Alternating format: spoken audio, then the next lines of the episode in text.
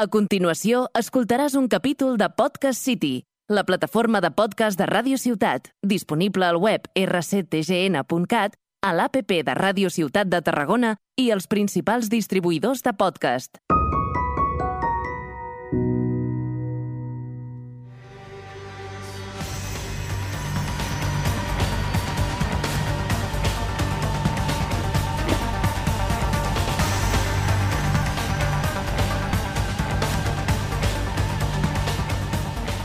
Bienvenidos a un nuevo episodio del podcast El mundo que nos rodea. Podcast en el que hablamos de ciencia y temas de sociedad y actualidad. En este podcast pretendo que disfrutéis y sobre todo que podáis aprender escuchándonos. Hoy toca hablar de un tema bastante fuerte, pero muy interesante. Y para ello nos acompañará una invitada muy especial. Así que comencemos.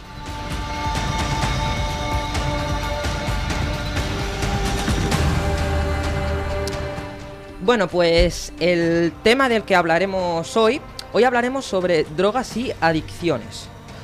Un tema eh, del que causa mucho daño a la sociedad y a las personas que y a las personas que están sometidas a ello, a su entorno, a su entorno social y familiar. Hay muchos tipos de adicciones en las que podemos acabar cayendo y luego es muy difícil eh, desengancharse. Pero ¿por qué? ¿Qué tipos de adicciones hay? ¿Cómo podemos caer? ¿Y qué consecuencias tienen?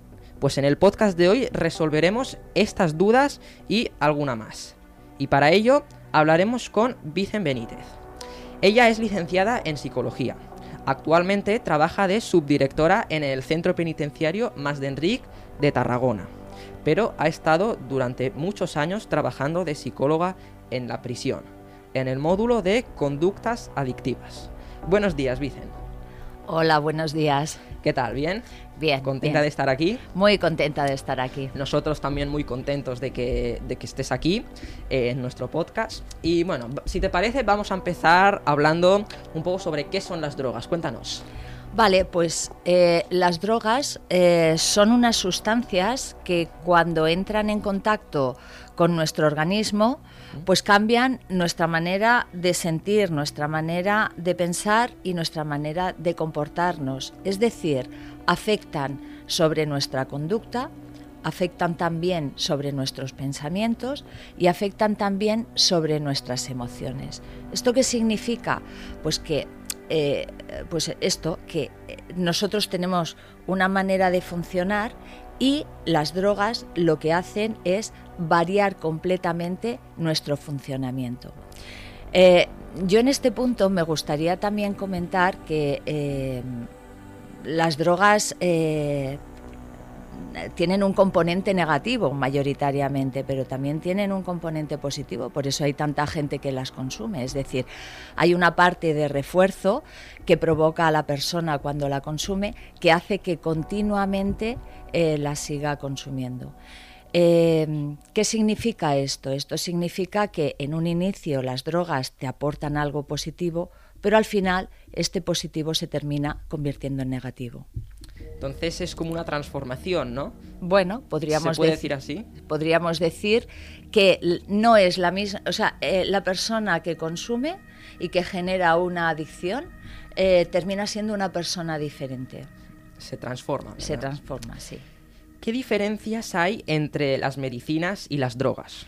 Vale, evidentemente todas las muchas mayoritariamente las medicinas también son drogas, pero ¿qué diferencia hay entre un medicamento y una droga? El medicamento tiene una funcionalidad, la funcionalidad es que yo estoy enfermo y tomo un medicamento para curarme o para poder eh, soportar el dolor, por ejemplo, de una intervención gi- quirúrgica. Y las drogas yo las tomo por mi cuenta y además las tomo siempre en un entorno lúdico. También es, verida- también es verdad que ha habido gente que eh, ha generado una adicción a raíz, por ejemplo, de estar enfermo. Han tenido una enfermedad que producía muchos dolores, sobre todo eh, gente como futbolistas o gente como gente que se dedica al mundo deportivo, que a lo mejor han tenido una lesión fuerte, les han dado unos medicamentos y estos medicamentos luego han sido incapaces de, de dejarlos, ¿no? Claro, porque eh, se originaron como, medicamentos. La, función que tienen, que tenían cuando se, originaron, eh, son medicamentos, porque como has dicho antes, pues cuando una persona ingiere eh, drogas, pues de, alguna manera tiene algo positivo que, como si tomaras un medicamento, ¿verdad? Te puede llegar a mm, dejar de dejar de sentir un dolor psicológico. Claro. Luego hablaremos de, eh, luego os puedo explicar ahora ya la diferencia, por ejemplo, que hay entre lo que es una dependencia física y lo que es una dependencia psicológica. Cuando uno consume drogas, en función del tipo de drogas que consume, puede generar una dependencia física o una dependencia psicológica. La dependencia psicológica significa que mi, mi mente me está diciendo continuamente que yo tengo que consumir esta sustancia. Y la dependencia física significa que mi cuerpo no puede funcionar sin la sustancia. Entonces, cuando dejo de tomar la sustancia, se produce lo que se llama el síndrome de abstinencia. El síndrome de abstinencia es la reacción que tiene nuestro organismo ante la falta de esa sustancia. Vale, entonces, eh, ¿qué, maneras tenemos de, bueno, la gente que toma drogas, cómo, la, cómo las ingiere, cómo llegan a su cuerpo y cómo, cómo les afecta. Vale.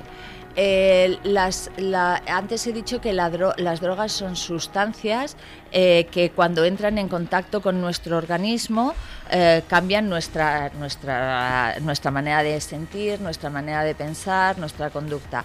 Pero claro, para que entren en nuestro organismo pueden entrar de diferentes maneras. Entonces, Puede ser fumada, por ejemplo, un, eh, porro, ¿no? Se fuma, el tabaco se fuma. Eh, pueden ser aspiradas por la nariz, que podría ser la cocaína, puede ser la heroína. Luego pueden ser también inyectadas en jeringuilla, que también podrían ser la cocaína y la heroína. Y pueden ser orales, las pastillas, y mezcladas con bebidas como puede ser el éxtasis, las anfetaminas. Mm, que en este caso, en el, en el podcast anterior que, hicimos, que fue el primero, hablamos de todo este tema de la sumisión química.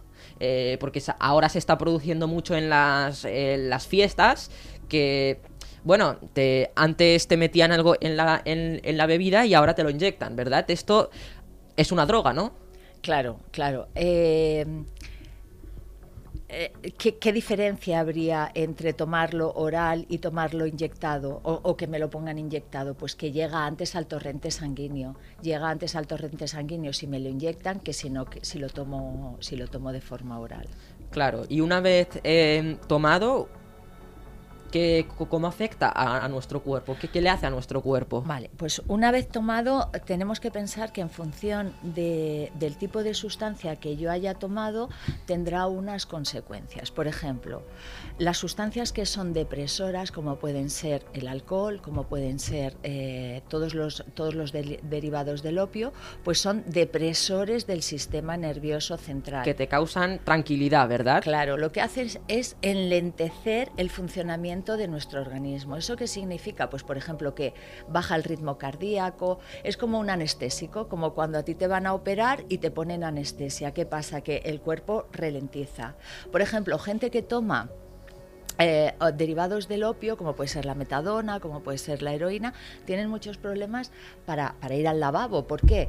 Porque todos los intestinos, sabéis que los intestinos tienen movimiento y eh, una de las, de las cosas que hace la, heroína, por ejemplo, o la metadona, es eh, pues eso, que ese movimiento no, no, tener este movimiento. Entonces eso tiene una repercusión y las personas, por ejemplo, tienen estreñimiento. Después tenemos también las estimulantes. Lo que producen es una alteración, eh, eh, estimulan el sistema nervioso central, como pueden ser la cocaína o como pueden ser las anfetaminas, que hace que mi corazón vaya mucho más rápido, que mi cuerpo vaya a 100 por hora. ¿vale? Y luego tenemos las alucinógenas, las alucinógenas que son el cannabis, el LSD, que lo que producen es una perturbación en mi manera de ver la realidad. Entonces, eh, esa sería una clasificación de las drogas, pero las drogas también se pueden clasificar en drogas legales y drogas ilegales, porque por ejemplo el alcohol es una droga legal, pero es una droga, es una sustancia, como hemos dicho antes, que cuando entra dentro de nuestro organismo hace que veamos la realidad que tenemos a nuestro alrededor de diferente manera que como la vemos cuando no la hemos introducido. Entonces, una vez que las drogas entran en contacto con nuestro organismo, ya sean a través de vía oral, fumadas, inhaladas, inyectadas, encuentran una forma de llegar rápidamente a nuestro torrente sanguíneo y desde allí llegan a nuestro cerebro y a otras partes del cuerpo, que es lo que os quería explicar antes. En el cerebro las drogas pueden intensificar o bien adormecer nuestros sentidos y modificar el, nivel de alerta. Por ejemplo, una persona que ha consumido alcohol o una persona que ha consumido cocaína o heroína no tiene el mismo nivel de alerta que una persona que no lo haya consumido.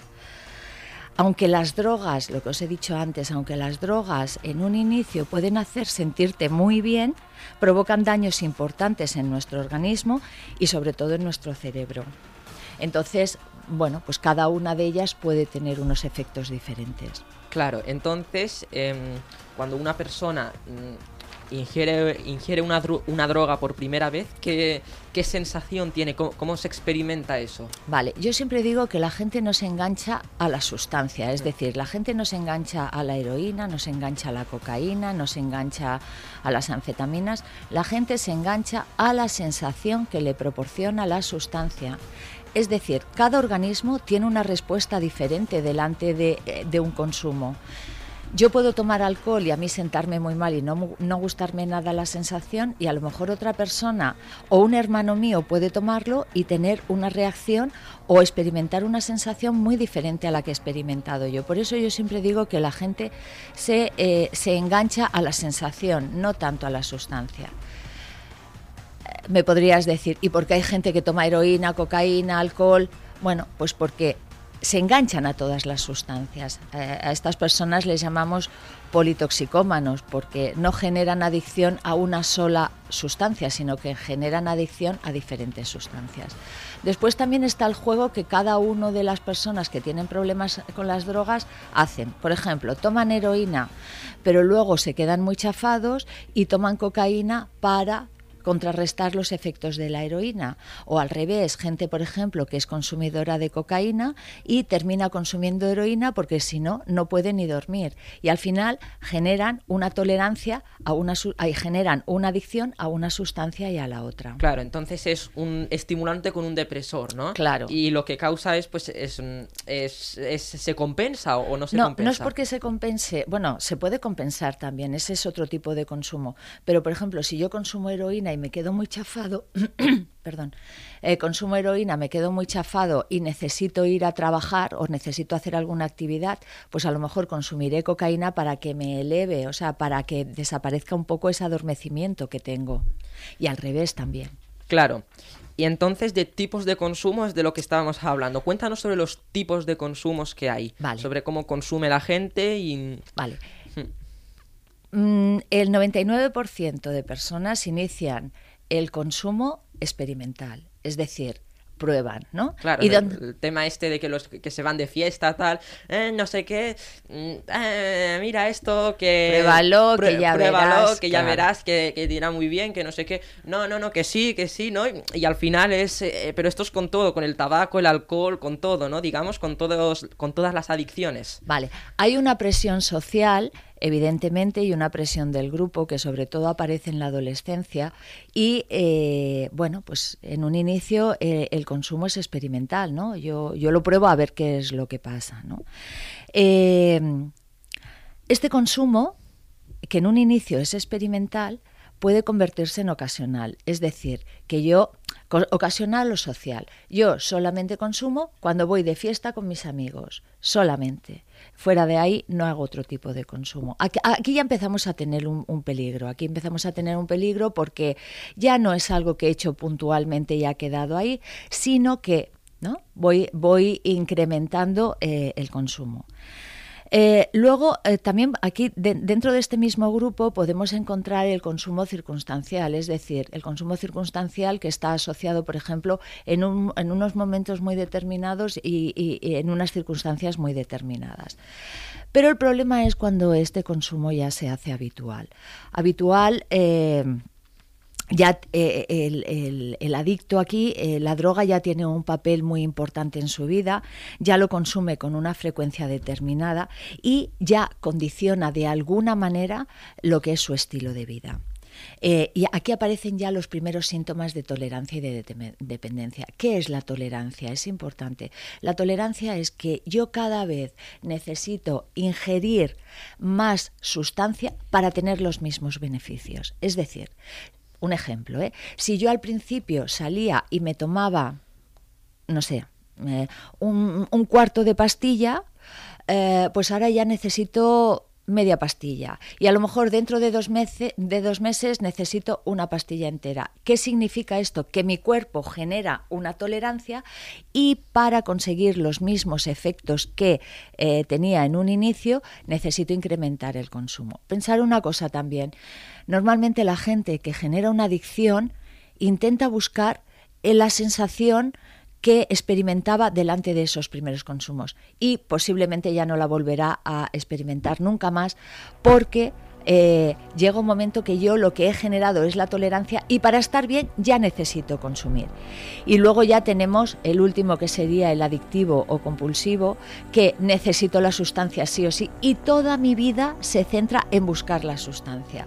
Eh, este tipo de consumos los encontramos normalmente en personas que terminan en prisión o que terminan en, centros psiquiátricos. Claro, porque, eh, por ejemplo, una persona que está tan adicta, tiene tanta compulsión por, las drogas, el, dinero que tiene, que probablemente ni, ni, ni trabaja, o igual sí, pero igualmente se lo gasta todo en drogas. Entonces, claro, se llega a un punto que no tiene, ¿no? Nada de, nada dinero y eso le conlleva hacer eh, cosas que, que son delito.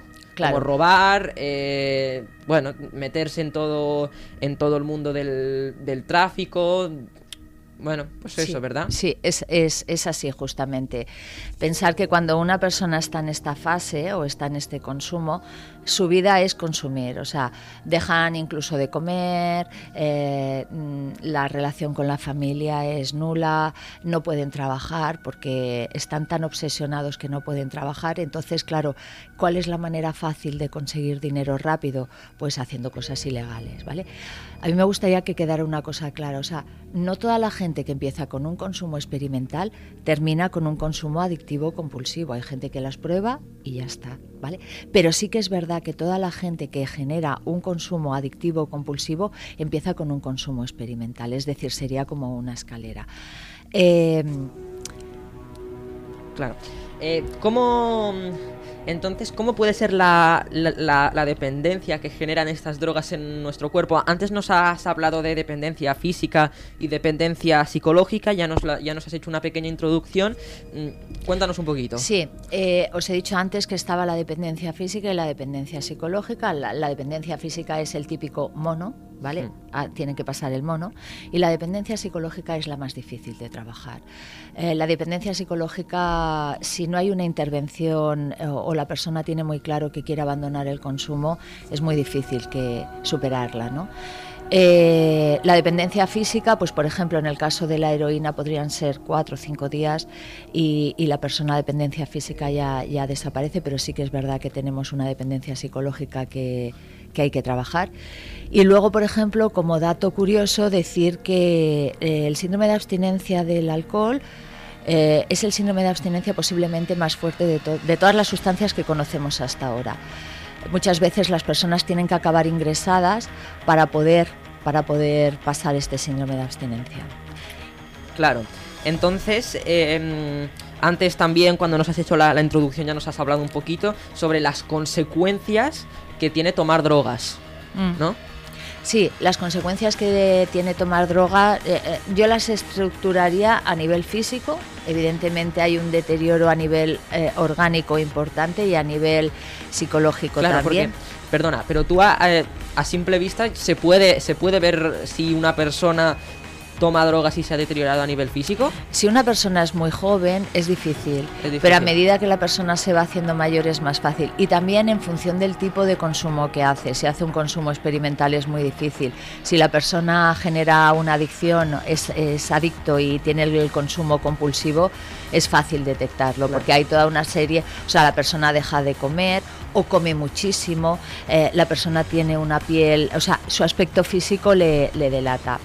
Claro, también tenemos a, a nivel físico, a, a nivel psicológico, Ajá. que es lo que conlleva todo, mm, todas la, pe- los pensamientos y lo que te pasa por la cabeza, ¿no? Sí, eh, a nivel psicológico también decir que las consecuencias de los consumos muchas veces generan eh, trastornos mentales. O sea, un- eh, se ha visto, se han hecho estudios y se ha visto que en jóvenes, adolescentes que han empezado a consumir eh, cannabis, terminan generando una esquizofrenia. Con esto no quiero decir que todos los jóvenes que, que consuman cannabis generarán una esquizofrenia, pero tú puedes tener a lo mejor una enfermedad que está ahí predispuesta y lo que puedes hacer con el cannabis es eh, despertar esa enfermedad. ¿Vale? Y luego también tenemos que pensar que, claro, que hemos dicho que la sustancia produce alteraciones a nivel, a nivel de cerebro, es decir, que, que- que a, a nivel Claro. psicológico produce, produce consecuencias. Luego también a nivel familiar, claro, una persona que consume sustancias no puede dedicarse a la familia. Un señor que tenga mujer y hijos, si, si está haciendo un consumo habitual, no podrá dedicarse a la familia. Y, y a nivel social, bueno, pues ya vemos que las consecuencias, como hemos dicho antes, serían la entrada en prisión o, o la entrada en un centro psiquiátrico. O la muerte, Claro. porque en el camino mucha gente también se queda. Entonces, eh, bueno, tú eres subdirectora de una prisión, has estado muchos años de, de- de psicóloga, has visto pasar de todo, ¿verdad? Sí.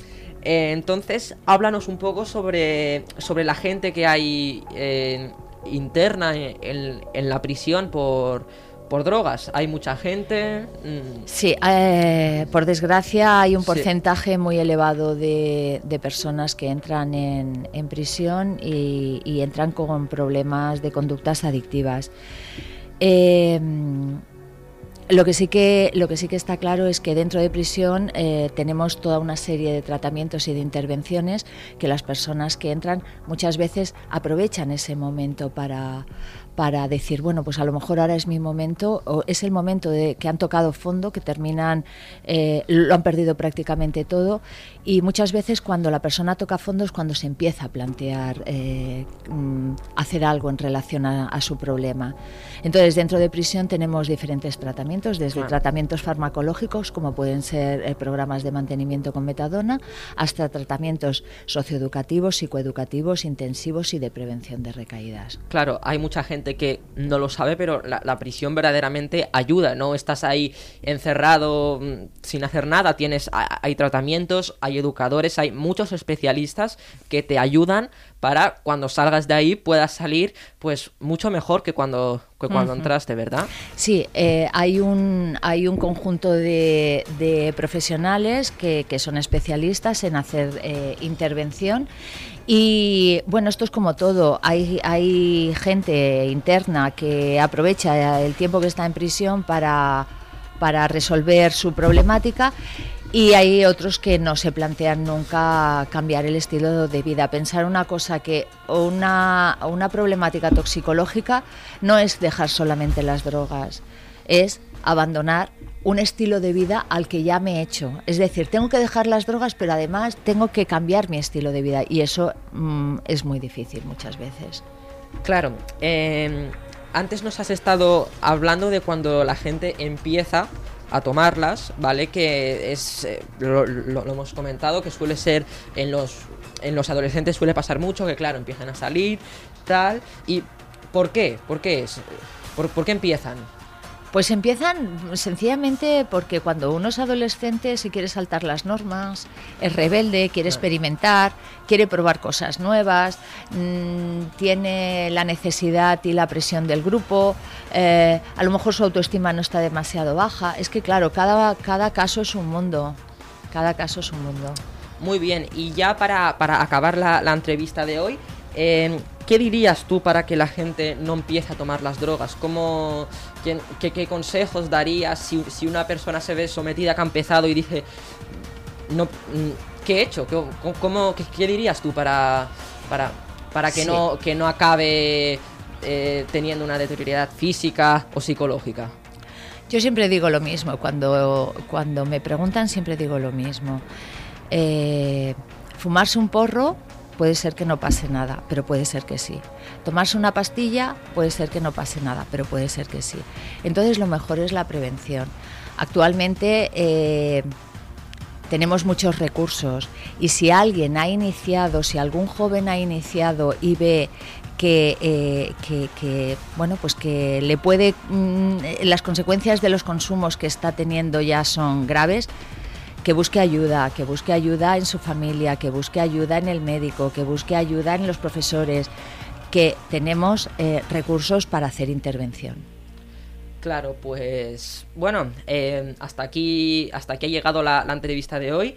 Muchísimas gracias, Vicen, por habernos, por habernos acompañado en, este episodio del podcast y habernos enseñado tantas cosas sobre las drogas. A mí personalmente me has enseñado mucho, ya muchas cosas que no sabía, eh, todo el tema de las deterioridades, de, de cómo afectan, de cómo se empieza a consumir, así que muchas gracias. Muchas gracias a ti, Daniel. Encantada. Eh, ya sabes que aquí puedes volver cuando quieras, ¿vale? Cuando queráis. Vale, pues, pues muchísimas gracias. Bueno, y hasta aquí llega el episodio de hoy. espero que os haya gustado y hayáis aprendido algo sobre todo este tema de las drogas, que yo desde luego sí que he aprendido. Y todo lo que conlleva esta, digamos que es una enfermedad. Ha sido un placer acompañaros en este episodio y haber tenido de invitada a Vicen. Así que nos vemos en el próximo episodio del podcast El mundo que nos rodea.